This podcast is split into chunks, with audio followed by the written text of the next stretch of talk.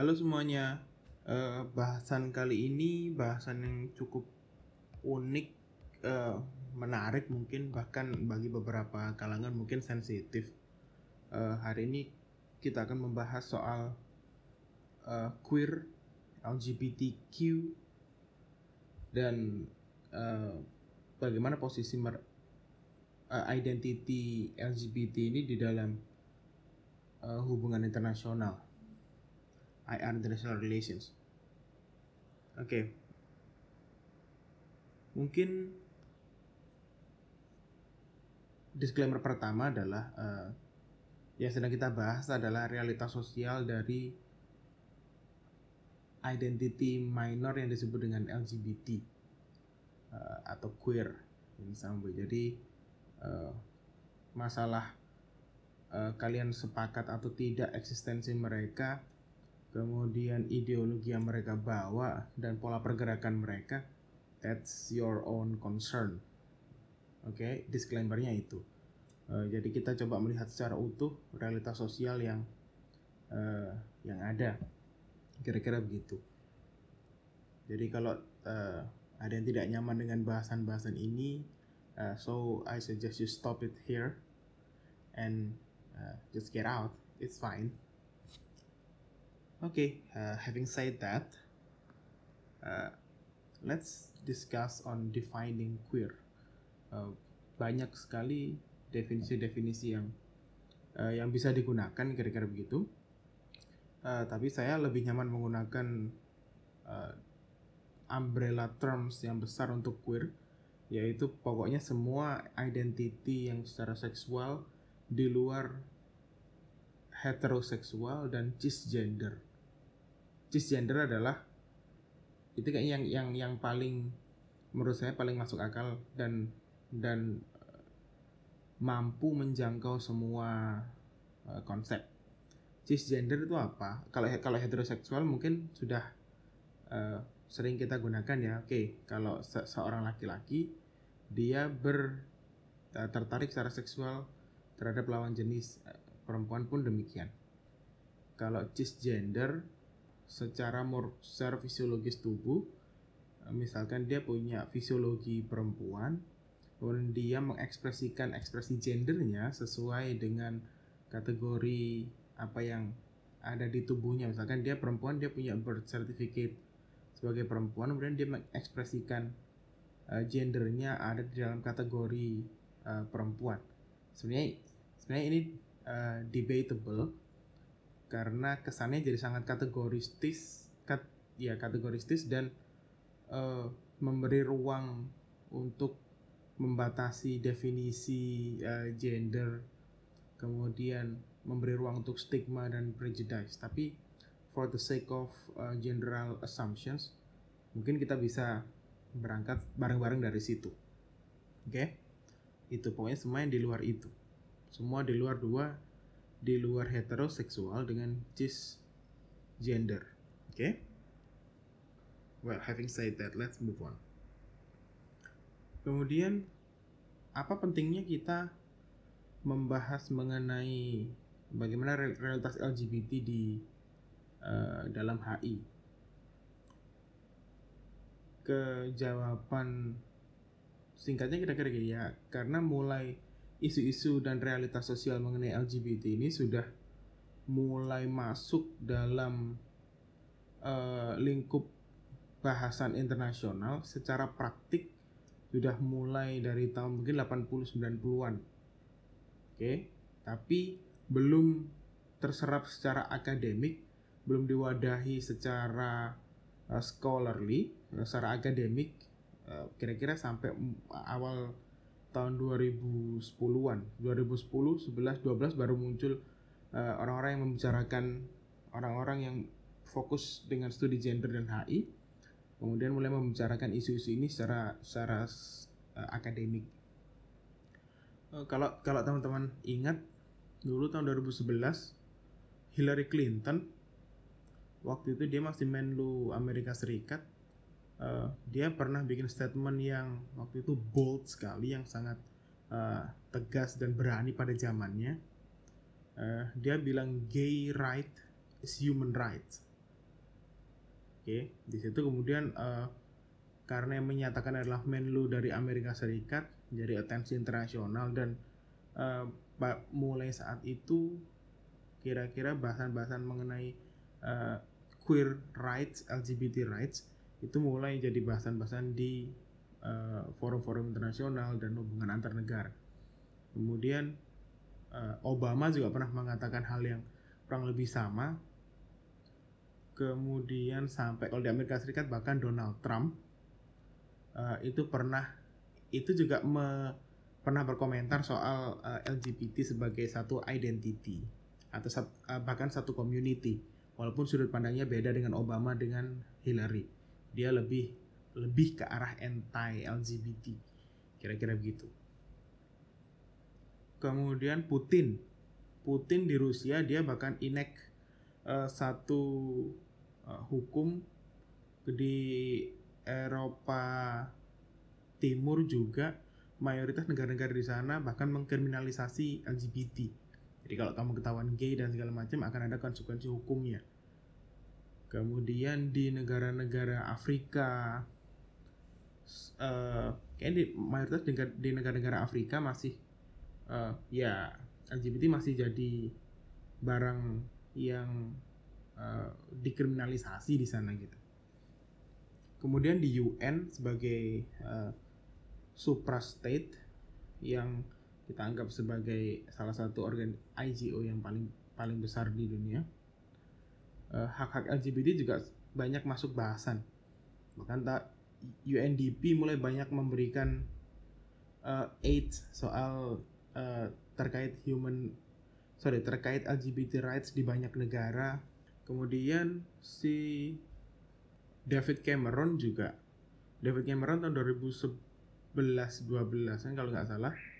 Uh, dia juga pernah bikin statement yang uh, waktu itu bold sekali dia bilang bahwa negara yang masih mengkriminalisasi LGBT tidak mengakui hak-hak LGBT sebagai uh, warga negara yang dijamin oleh konstitusi harusnya foreign aid-nya kita potong saja.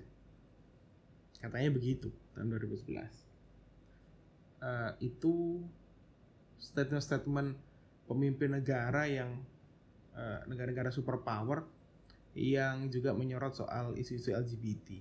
Kemudian ada beberapa, ada tujuh orang kalau nggak salah pimpinan negara, prime minister yang juga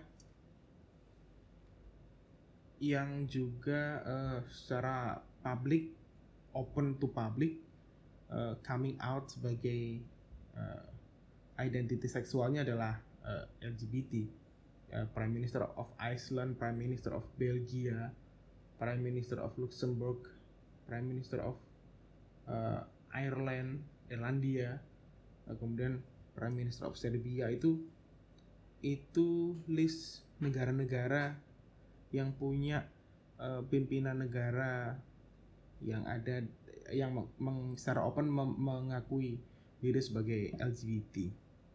Nah, kemudian berangkat dari situ, kalau sudah banyak pimpinan-pimpinan negara yang uh, menyorot isu isu LGBT, bahkan UN pun sudah turun ke sana, harusnya ini mulai jadi bahasan yang serius dong di HI.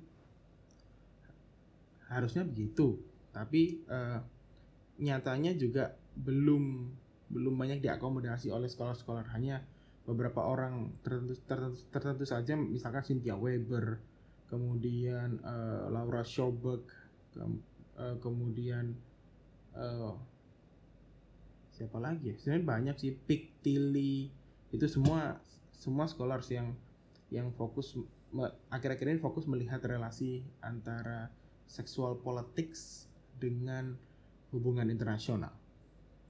Nah, setelah setelah menemukan alasan pentingnya kajian ini dibahas secara tersendiri, sekarang kita masuk ke sub substansinya. Gimana sih posisi uh, eh, LGBT dalam HI? Uh, eh,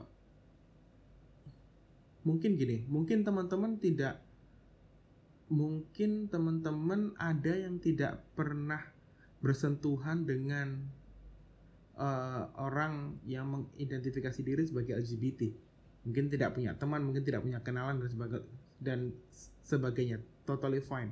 Tapi buat teman-teman yang pernah dan tahu realitas mereka misalkan uh, punya teman punya kenalan relasi yang yang secara publik atau mungkin uh, sembunyi-sembunyi meng mengasosiasikan diri sebagai seorang LGBT mari dibayangkan realitas yang mereka alami. Uh, bayangkan posisinya posisinya seperti ini. Uh, andaikan anda sangat-sangat menyukai uh, baju yang berwarna putih dari kecil tidak pernah nyaman kalau pakai baju selain baju putih. Kemudian di uh, setelah masuk ke lingkungan tertentu, misalkan kerja nggak uh, ada perintah dari atasannya kamu tidak boleh pakai, pakai baju putih harus pakai baju hitam atau merah atau biru dan dan seterusnya what will you feel maybe first thing first adalah uncomfortable oke okay? biasanya pakai baju putih kalau di uh, lewat jalan yang panas misalkan kemudian uh, tidak terasa panas karena sinarnya mental jika harus pakai baju hitam kalian merasa kepanasan karena kepanasan merespon dengan e, mengeluarkan payung. Payung. Oke, okay? dari kecil tidak pernah mengeluarkan payung ketika dipaksa berganti baju, terpaksa pakai payung. Bertingkah aneh untuk orang-orang yang mana kalian dari kecil menggunakan baju putih. Oke, okay? kemudian diledekin. Oh, apaan kamu pakai pakai payung? Panas gini dong kau pakai payung padahal itu sangat mengganggu kalian itu realitanya yang yang dihadapi banyak eh, banyak LGBT. Saya ada beberapa kenalan orang yang eh, yang punya dan mengalami realitas yang demikian dan itu eh, mengerikan untuk dibayangkan. Tapi gini, eh, analoginya seperti itu. Kalau kalian dari dari kecil mungkin sudah merasakan bahwa uh, this is me kemudian dipaksa untuk jadi orang lain that sucks oke okay? tapi itu yang jadi realitas dari orang-orang uh, eh, LGBT uh, eh, ingat kalau kita sedang kalau kita membincangkan LGBT kita tidak sedang mereverse kepada uh, sus, uh, bentuk tubuh misalkan atau ekspresi-ekspresi uh, tertentu sama sekali tidak uh, LGBT mostly soal sexual uh, preference dan mungkin gender expressions.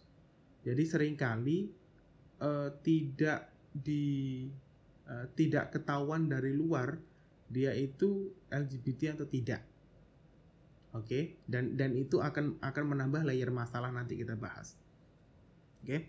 bayangkan uh, kalau kalau kalian sebagai seorang LGBT kemudian melihat melihat atau gini deh uh, selama ini kita kita paham bahwa kita harus masuk ke HI selama ini kita paham bahwa HI itu selalu menggunakan kacamata yang maskulin.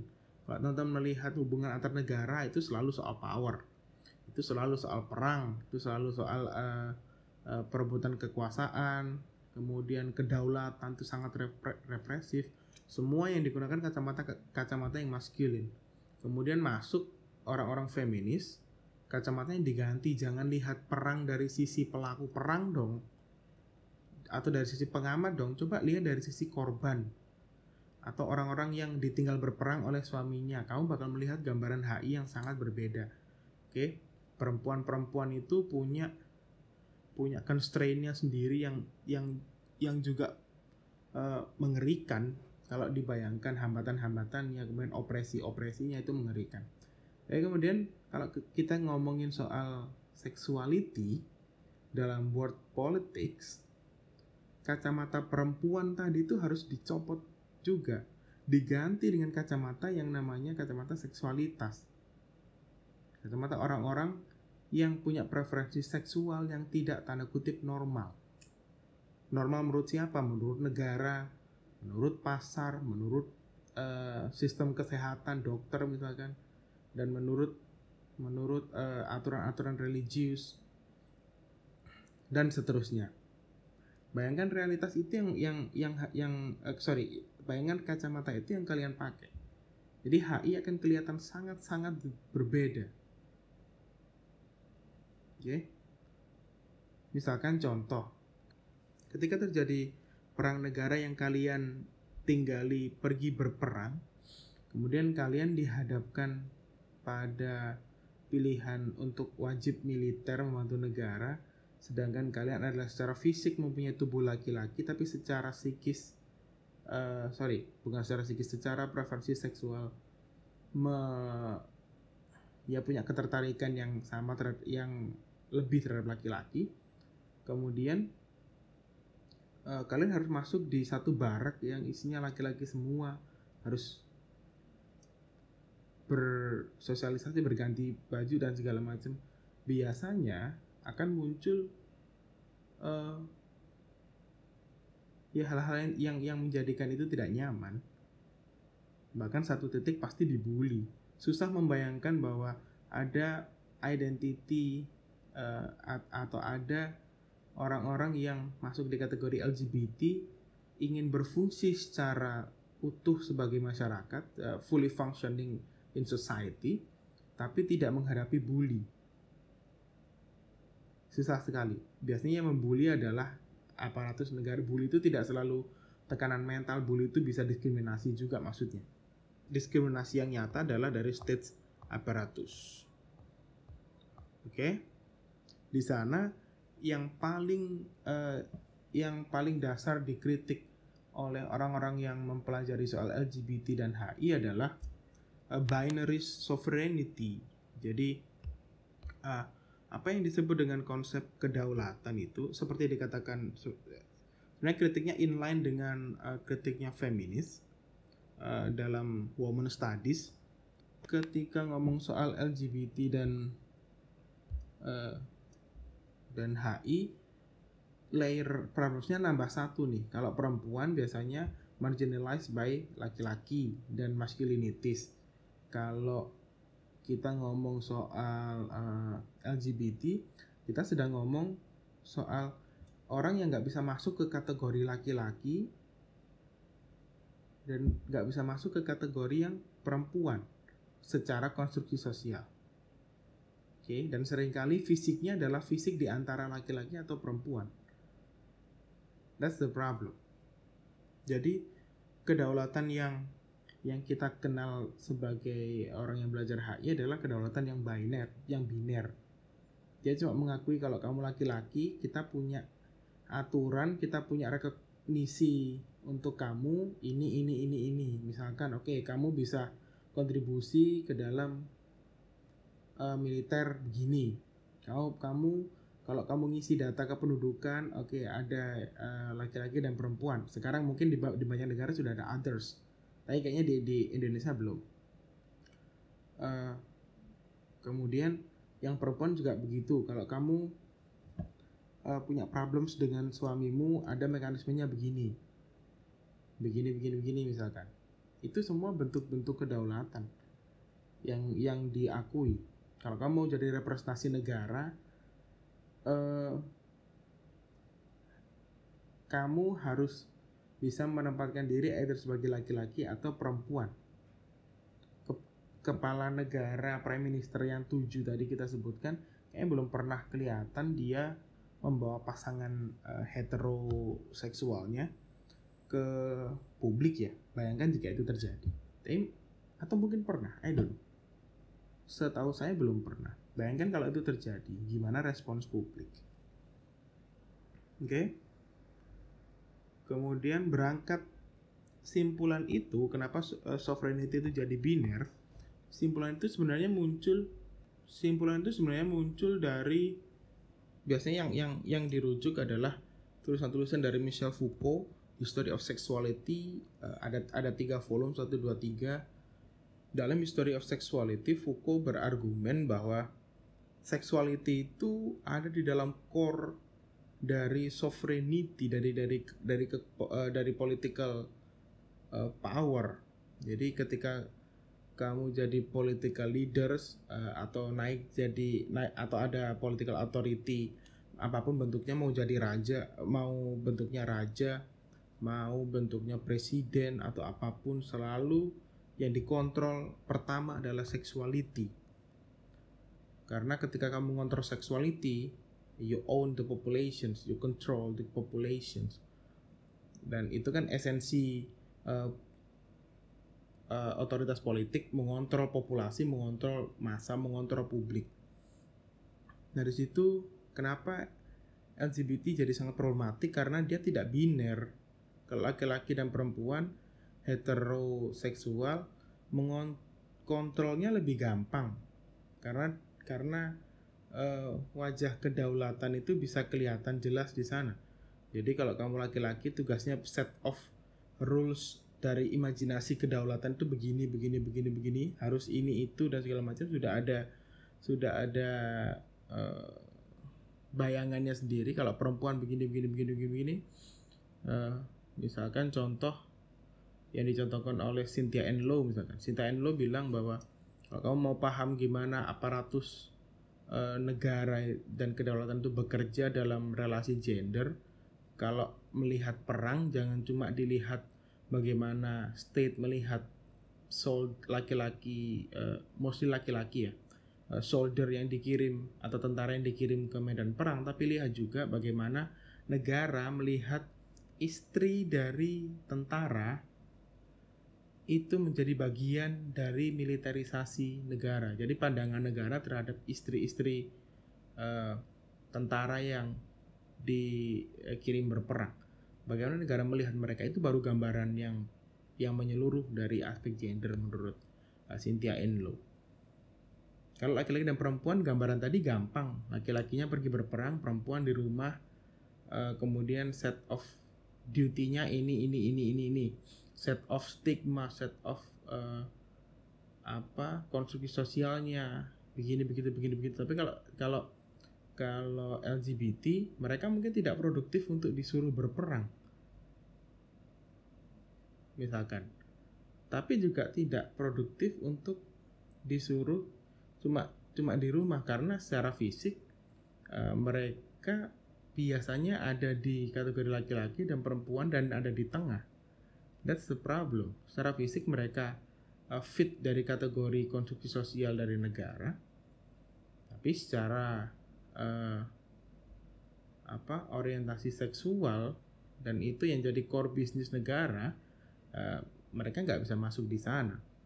It's that uh, that's the problem. Makanya uh, Cynthia Enlu uh, dia me, um, mengatakan the personal is international. Uh, maksudnya adalah isu-isu internasional itu uh, pilar paling besar itu justru kehidupan domestik kayak seksualitas tadi. Kenapa seksualitas dari populasi itu jadi penting? Kenapa seksualitas dari pemimpin itu jadi penting? Ya karena fungsi dari seksualitas itu adalah pilar dari sistem internasional menurut uh, orang-orang yang belajar uh, yang punya pandangan gender di sana. Oke. Okay? Yang dikontrol harusnya adalah seksualitasnya. Internasional aspek itu tidak bisa berjalan tanpa ada persepsi soal seksualitas dan gender. Oke, okay? pun sebaliknya biasa uh, kalimat lengkapnya kan personal is international and the international is personal. Apa pun yang terjadi di ruang internasional di sistem internasional akan berdampak terhadap identitas gender maupun identitas uh, apa seksual yang atau orientasi seksual yang yang bermacam-macam tadi. Itu. Misalkan ketika uh, ada if I'm not mistaken gay pride uh, March tahun 2014 kalau tidak salah di Brasil di Rio de Janeiro setelah pasca itu kemudian intensitas perbincangan mengenai LGBT naik tuh di forum-forum internasional. Di forum-forum internasional mulai. Kemudian UNDP nambah bantuannya untuk advokasi LGBT yang ada di negara-negara uh, terdampak. Yang clash kerasa banget waktu itu adalah dengan Polandia. Polandia 2014 dan mostly negara-negara Eropa Timur sih ditekan oleh UN buat uh, ditekan oleh UN ditekan oleh EU juga untuk uh, jangan mengkriminalisasi orientasi seksual yang uh, queer tadi. Akhirnya Polandia dan negara-negara uh, Eropa Timur kemudian kepecah jadi beberapa posisi. Ada yang mulai lunak ada yang tetap ada yang mendekat ke Rusia ada yang bla bla bla. Banyak posisinya itu artinya. Jadi kalau kita uh, employ uh, kacamata dari queer dan LGBT ke HI HI bakal kelihatan beda banget tuh. Realitas uh, internasional kemudian sovereignty bakal kelihatan beda. Kemudian uh, bagaimana hubungan personal dan internasional tadi bakal kelihatan beda juga. Gimana prospek seksualitas uh, sebagai pilar dari internasional sistem juga pas juga akan kelihatan beda dengan kalau kita ngomong di kategori laki-laki dan perempuan. Itu sih kira-kira. Semoga dapat gambaran logikanya sih. Thank you bye bye